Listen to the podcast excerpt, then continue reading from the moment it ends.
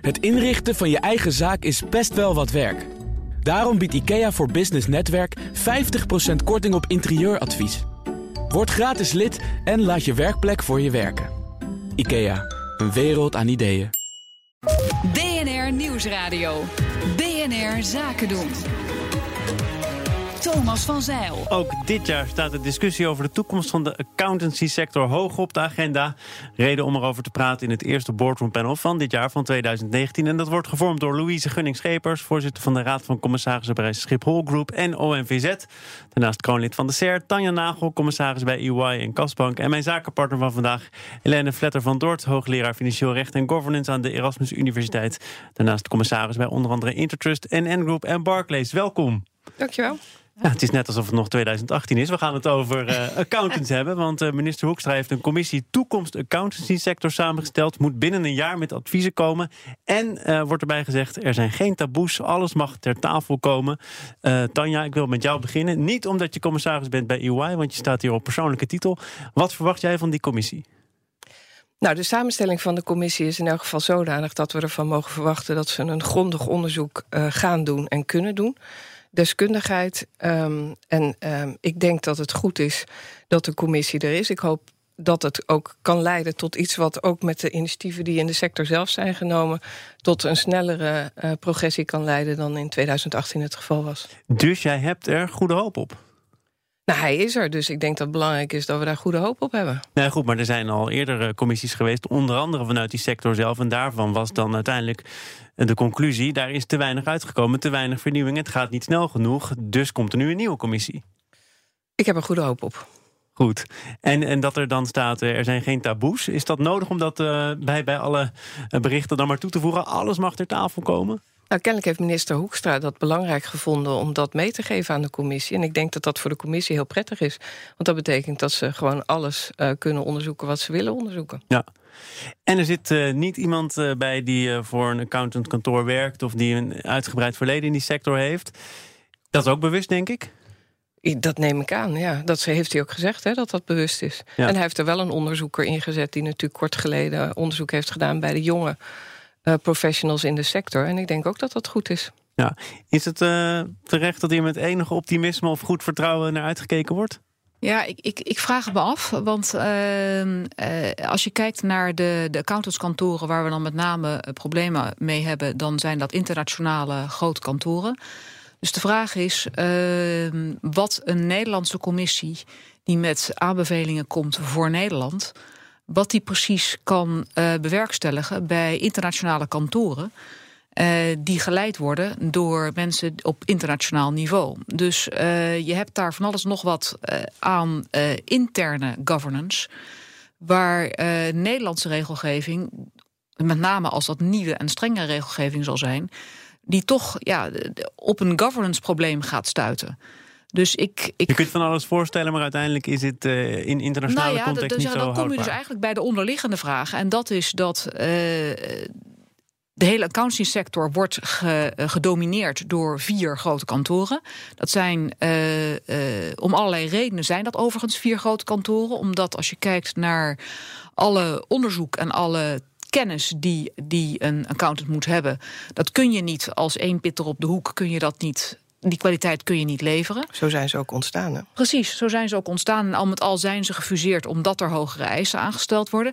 Dus het is niet zo makkelijk, denk ik. Ik heb, ik heb uh, alle vertrouwen in de mensen die in de commissie zitten. Maar ik denk dat ze een hele moeilijke taak hebben.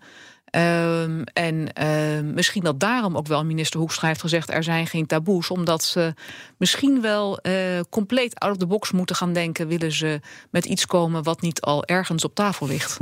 Louise Gunning, uh, kijkende naar die commissie... en naar de internationale context waarin die accountantskantoren opereren...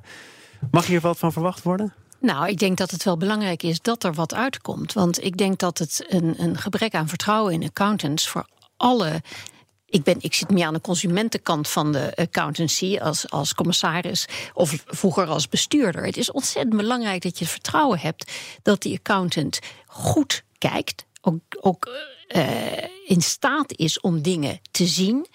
En het vertrouwen geniet van de verklaring die zij afgeven. Zodra we daar twijfels over hebben, hebben we een probleem met de rol van de accountant. Dus ik denk dat het ontzettend belangrijk is dat daar iets goeds uitkomt. En misschien moet je op een gegeven moment je ook wel afvragen of voor al die bedrijven die in Nederland geen internationale context hebben, het altijd noodzakelijk is om een groot internationaal kantoor te hebben die noodzakelijk is voor een multinational. Maar er zijn toch ook uh, middelgrote kantoren, die hebben waarschijnlijk minder klanten, minder impact, maar ze zijn er toch wel. Die hebben dan toch neem ik aan ook klanten die niet multinational zijn, maar daar eh, meer dan uh, voldoende uithalen. Ja, maar de bedrijven waar Louise op doelt, die kunnen natuurlijk ook zelf kiezen voor welk kantoor ze gaan. En dat hoeft niet de Big Four te zijn. Nee. Maar de vraag is of de Big Four in staat zou zijn om in de toekomst iets creatiefs te bieden. Waarbij ze misschien eh, dat, dat vertrouwen weer wat kunnen terugwinnen. Zonder in die hele ingewikkelde governance context van de internationale eh, klanten terecht te komen. Dus dat vind ik wel, vind ik wel interessant. Kun je radicaal ingrijpen uh, richting die Big Four, die nu te dominant is? Dat wordt onder andere voorgesteld. Er wordt een aanzet gegeven, laat ik het zo zeggen, in het Verenigd Koninkrijk. Om die markt, nou ja, misschien zelfs wel gewoon van, van bovenaf anders te verdelen. Zou dat kunnen hier? Als je kijkt naar dat artikel wat gisteren in het FD verschenen is, daar wordt uh, Robert-Jan van der Kraats een paar keer geciteerd. Die denk ik terecht aangeeft dat het natuurlijk wel heel lastig is en dat er ook allerlei Europese wetgeving aangepast zou moeten worden uh, daarvoor. Um, en dat je dan dus ook een probleem hebt met die multinationals die uh, als klant bij die Big Four zitten.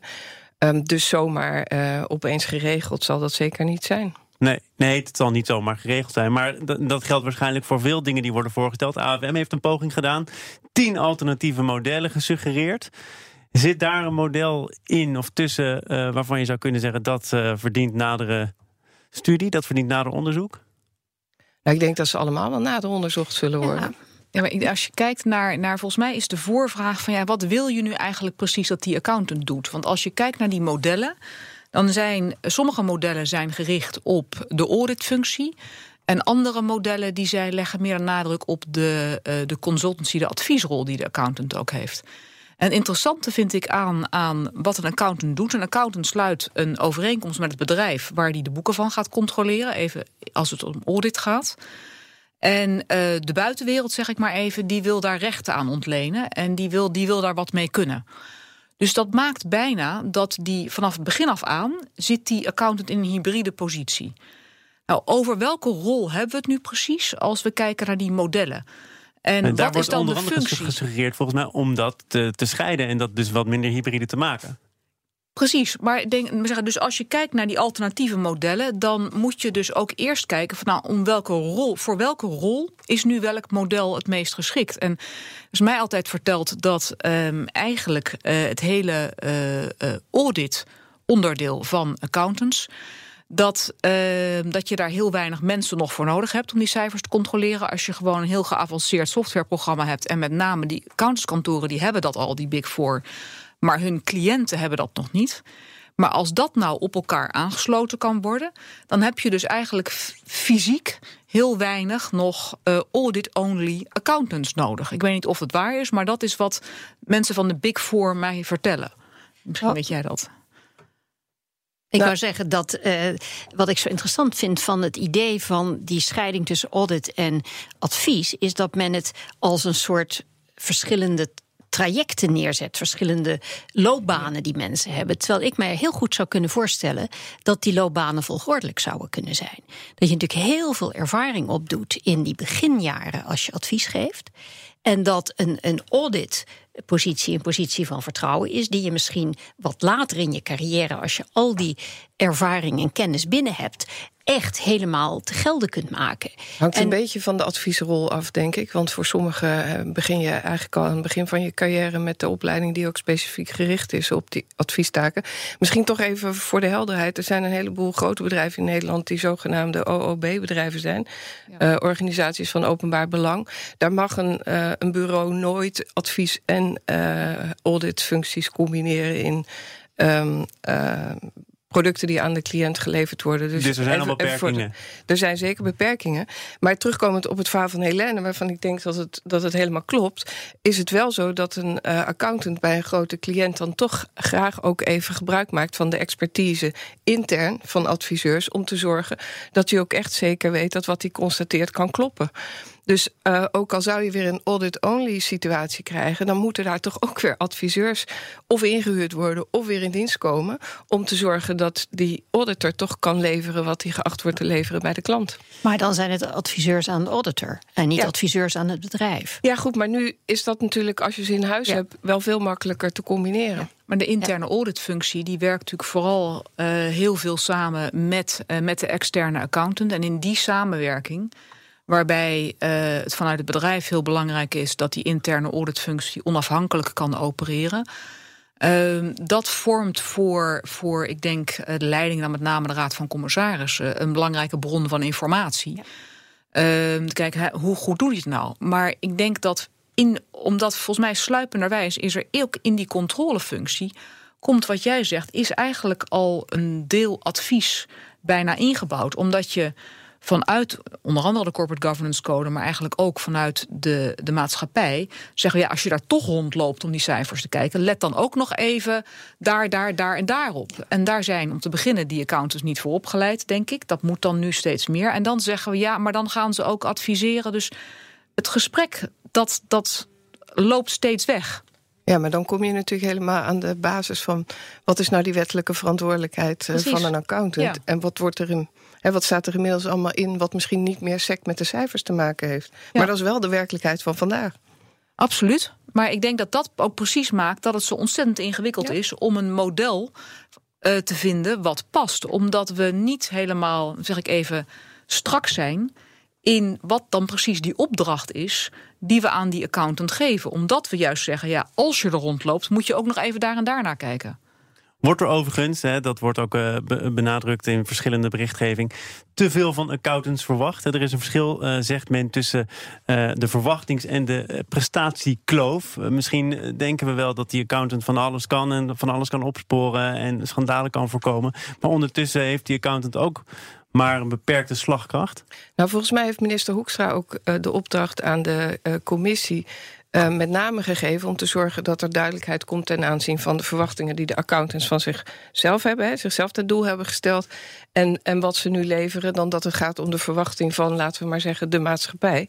Omdat die kloof is er zeker, hè, daar lezen we elke dag over, maar die is natuurlijk ook wel lastig te definiëren. Nou, dat gaat hier wel over, die vertrouwenskwestie waar Louise het over had. Ja, dat, nee, want als je, het je hebt het of over de vertrouwenskwestie tussen de cliënt en, ja, en, de accountant. Of over de maatschappij en de sector. Dat zijn wel twee verschillende dingen. Ja, dat zijn twee verschillende dingen. Maar je ziet natuurlijk dat uh, individuele gevallen ertoe leiden dat je maatschappelijk een ja. discussie hebt. En uh, ik kom meer uit de semi-publieke sector, waarin er vaak uh, gemeenschapsgeld uh, wordt besteed. En dan is de vraag ook altijd: moeten we nou zoveel geld uitgeven aan een accountant? Als we het gevoel hebben dat we die accountant niet 100% kunnen vertrouwen. Maar dat is ook een van de modellen ja. van de AFM. Ja. We, stoppen gewoon met de wettelijke verplichting van een controle. Ja, ja kan ook. Ja, dat kan ook. En je ziet al een heleboel kleinere organisaties waar de Big Four niet meer bereid is de controle te doen. Want? En omdat ze zeggen, wij zijn niet geëquipeerd voor dit soort organisaties. En dat kan heel vervelend zijn. Uh, er zijn natuurlijk een heleboel alternatieven, maar het, het is ook een soort bijna disqualificatie van het soort organisatie. BNR Nieuwsradio. BNR Zaken doen. Te gast is het Boardroom Panel en dat bestaat uit Louise Gunningschepers, voorzitter van de Raad van Commissarissen bij Schiphol Group en ONVZ. Daarnaast kroonlid van de CER, Tanja Nagel, commissaris bij EY en Kasbank. En mijn zakenpartner van vandaag, Helene Vletter van Doort, hoogleraar Financieel Recht en Governance aan de Erasmus Universiteit, commissaris bij Intertrust en N-Group en Barclays toch wel, elke keer wel goed gegaan eigenlijk, het hele rijtje. Goed, goed. Nou, dat hebben we dan alvast weer achter de rug.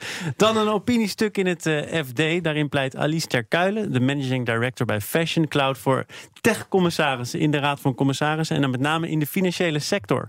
Ze wilde zelfs uh, een jaar stage lopen in zo'n Raad van Commissarissen. Ze heeft dat bij verschillende banken aangeboden. En die banken die zaten daar niet echt om te springen. Snap jij dat, Tanja? Um, aan de ene kant niet en aan de andere kant wel. En ik denk ook dat we uh, ons moeten realiseren dat die banken dat helemaal niet zelf bepalen. Want dat je ook nog goedgekeurd moet worden door de Nederlandse bank. En daar zou wel eens het probleem kunnen zitten. Maar even los daarvan, hè, want het zou flauw zijn om het alleen maar af te wentelen op het feit dat je misschien niet goedgekeurd wordt door de Nederlandse bank. Um, ik denk dat jonge mensen met beperkte bestuurlijke en uh, toezichthoudende ervaring best een goede rol zouden kunnen vervullen in de Raad van Commissarissen. Maar dan moet er wel ruimte zijn om ze ook op te leiden. Op de een of andere manier ook versneld wat aan die eh, kennis en kunde te helpen. En het moet ook structureel nodig zijn in een RVC. Want als het iets is van tijdelijke kennis, dan kan een RVC dat gewoon inhuren. En hoef je dat niet in je RVC te hebben. Maar we zien natuurlijk wel dat we in een ontwikkeling zitten waarbij dat bij steeds meer bedrijven echt nodig zal zijn. Ja, en als je ze dan niet kan vinden uh, met de ervaring als, als toezichthouder die je nodig hebt, nou dan moet je maar zorgen dat je dat er versneld ja. in stopt. Helena Vletter, zou jij voorstander zijn van zo'n techcommissaris? En dat is dan meestal, tenminste, dat zegt Alistair Kuilen, uh, een jonger iemand met misschien wat minder ervaring, maar specifieke bagage daar waar het gaat om technologie? Ja, de monitoringcommissie Corporate Governance die uh, heeft uh, in, uh, in de proef, laten we zeggen, de conceptcode die in 2015 is gepubliceerd, voorgesteld dat er een techcommissaris zou worden benoemd. Die is er vanwege het grote bezwaar daartegen is er uitgekomen uitgehaald, zou ik maar zeggen, in een definitieve code. Dus dat is niet een vereiste. Het grote bezwaar, en dat is? En het grote bezwaar, uh, nou los van het feit, ik denk dat er, dat er verschillende bezwaren zijn. Om te beginnen is het zo dat je als, wat jij ook al zegt, een commissaris die heeft verantwoordelijkheid voor het hele bedrijf. Uh, dus iemand met een hele specifieke opdracht. Uh, en een hele specifieke uh, kennis en kunde, dat uh, kun je afvragen of die de verantwoordelijkheid kan dragen die een commissaris draagt. Ten tweede is het zo, op het moment dat je benoemd wordt binnen die raad van commissarissen, dan, uh, dan is de vraag of je je kennis uh, nog uh, op het niveau kunt houden van de ontwikkeling die in de markt speelt. Als je, laten we zeggen, de bestuurlijke ervaring hebt en de verantwoordelijkheid kunt dragen. En ten derde ben ik bang dat als je één specifiek iemand benoemt die die uh, kwaliteit heeft, dat de rest denkt: zo, dat is geregeld.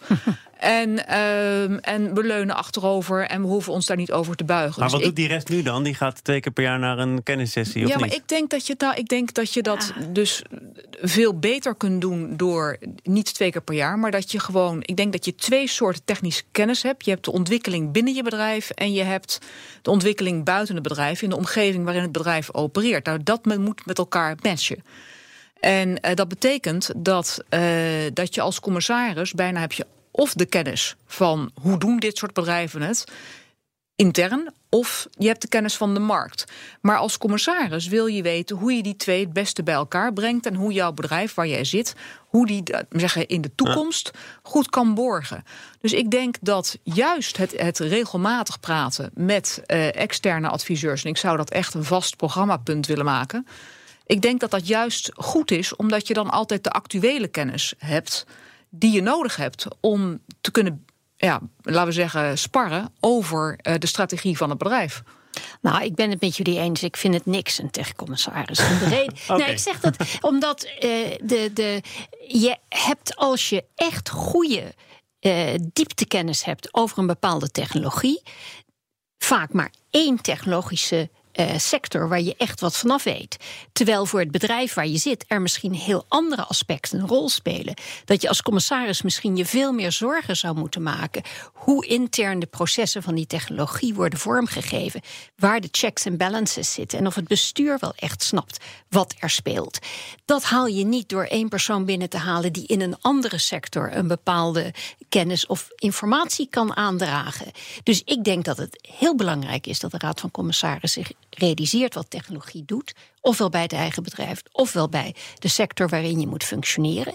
En hoe je die kennis naar binnen haalt, dat kan via adviseurs, dat kan via het. Uh, checken als commissaris of je bestuur wel echt snapt wat er gebeurt. Maar als je in die, die uh, financiële sector zit en uh, veel van die banken hebben het over digitalisering, meegaan met de tijd. En, uh, ja, maar wat is digitalisering? Is dat de app die jij op je telefoon hebt om te kunnen betalen? Of is dat de fintech die een, een deel van de, de administratie op een andere manier inricht? Of is dat de digitalisering die ze nodig hebben om die nieuwe accountant binnen te kunnen halen? specialist is ook maar heel is ook maar een heel klein, smal specialisatietje. Waarom zou die nou de toegevoegde waarde geven die de rest van de commissarissen niet kunnen?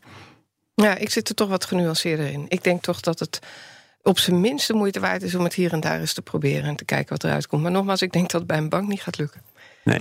Nou, onderliggend is de vraag die we hier in dit panel wel vaker bespreken: heb je nou meer aan generalisten of aan specialisten? En er zijn mensen die zeggen in die raden van commissarissen zitten op dit moment wel heel erg veel generalisten die misschien als het gaat over de nieuwste ontwikkelingen moeite hebben om dat tempo bij te benen. Ja, maar dan zeg je misschien ook iets over de gemiddelde leeftijd en over je volgende onderwerp. Zullen we daar dan heen voordat het te laat is?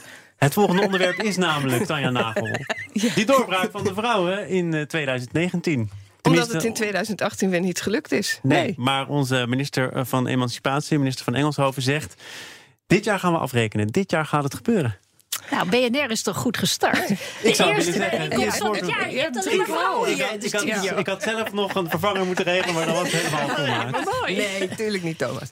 Uh, nou ja, er stond ook iets in, uh, over dat er meer bestuurders zijn um, gekomen in de afgelopen jaren dan daarvoor. Met name in raden van commissarissen. En dan is het natuurlijk wel heel raar als je ziet dat het eh, percentage vrouwen uh, niet gestegen is. Sterker nog, ik geloof zelfs gedaald in 2018.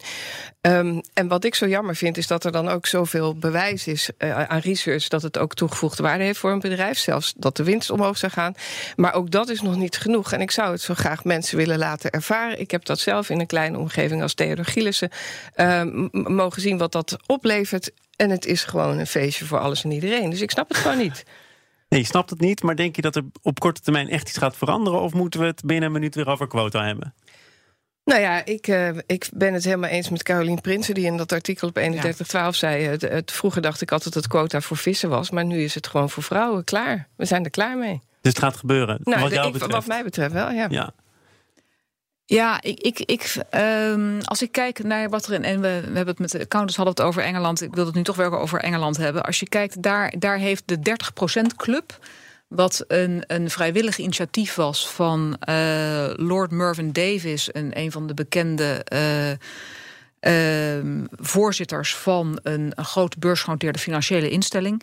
En die heeft gezegd: Weet je, wij gaan gewoon nu ik daag jullie allemaal uit. Wij gaan gewoon zorgen dat er tenminste 30% van, uh, van de. En dit zijn one-tier boards. Van de boardmembers dat die vrouw is. En dat is gewoon gelukt. En als je kijkt naar, naar. Dus wat ik daarmee bedoel, is dat het initiatief vanuit de sector is gekomen. En dat ontbreekt hier vooral, vind ik, in Nederland. Is dat de beursgenoteerde ondernemingen, eh, bijvoorbeeld de VUIO. Uh, die neemt het initiatief niet. Laat iemand eens opstaan en zeggen: wij moeten ons allemaal schamen en wij gaan het gewoon regelen. Hoe lang gaan we daar dan nog op wachten? Nou ja, uh, ik denk dat. Uh, dat met een quota ga, ga, dan gaan, ga je denk ik bedrijven gaan zich eerder verzetten. verzetten. Hmm. Dus ik denk dat het iets is wat, hè, wat jij zegt, het is juist iets wat eh, bewezen toegevoegde waarde heeft. Nou, waarom doen we daar niet iets mee? Ten tweede, wat ik interessant vind, is dat in uh, Engeland wordt steeds meer gekeken naar uh, in een nomination committee, dus een, uh, binnen een commissie binnen de Raad van Commissarissen die benoemingen doet. Die heeft de opdracht specifiek gekregen om naar pipeline te kijken. Ja, precies. Ja. En dat vind ik heel belangrijk, want dan zeg je van nou, we kijken gewoon naar niet de board nu, maar we kijken naar de toekomstige ja. boardmembers en dus leidinggevende. En daar gaan we ook onze aandacht op richten. En ik denk als je die combinatie met een initiatief van binnenuit plus aandacht voor opvolging, dan hoop ik dat 2019 het ons inderdaad gaat brengen. Gaat het ons dat brengen? 2019, Nou, het- ik heb ook heel erg lang gezegd, ik ben niet eh, van de quota. Ik, ik heb dat vroeger, toen ik eh, eh, hoogleraar werd in de medische sector, heb ik teruggekeken naar mijn generatie en gezegd, nou, we hadden toen 10% studenten, dus het is logisch dat we nu 10% hoogleraren hebben. Alleen de generaties die daarna kwamen hadden heel veel meer vrouwen. En het heeft niet heel veel meer vrouwen aan de top opgeleverd. En vanuit die optiek ben ik daar ook wat pessimistischer over geworden. Ik ben het heel erg eh, met jullie eens dat het enorme toegevoegde waarde heeft. Je merkt dat zo'n gemengd gezelschap gewoon ook op een andere manier met elkaar omgaat. En ik denk dat wij alle drie alle eh, regelmatig de eerste geweest zijn om in zo'n gezelschap eh, toe te treden. En dus wij zien die verandering niet, maar de mensen die er zaten zien dat wel. Ik, ik snap inderdaad niet waarom wij het niet met elkaar voor elkaar kunnen krijgen. Dus moet er dan uit nood geboren van bovenaf misschien wat worden opgelegd? Nou, misschien moet het worden opgelegd, maar het risico wat je daarmee loopt, is dat de vrouwen die benoemd worden Ja. niet voor vol worden aangezien. En als dat gebeurt, is je schade zo groot. Dus daarom eh, zou ik het. Ja, nee, ik denk dat het misschien toch op een gegeven moment zal moeten gebeuren. Ja, ik wil gewoon een oproep, doen, een oproep doen aan de VAIO. Ehm, zorg gewoon, schuif iemand naar voren en maak dit gewoon tot je doel in 2019. Helene Vletter, twee uur lang mijn eh, zakenpartner, mijn eh, sidekick. En tot de laatste seconde blijft ze gewoon de ruimte achter de microfoon benutten. Dank daarvoor en voor de minuten die daaraan vooraf gingen. En ook dank voor jullie aanwezigheid. Eh, voor het eerste Boardroom Panel alleen maar vrouwen deze keer eh, van 2019. Tanja Nagel en Louise Gunning. Tot een volgende keer graag. Als ondernemer hoef je niet te besparen op je werkplek. Want IKEA voor Business Netwerk biedt korting op verschillende IKEA-producten. Word gratis lid en laat je werkplek voor je werken. IKEA, een wereld aan ideeën.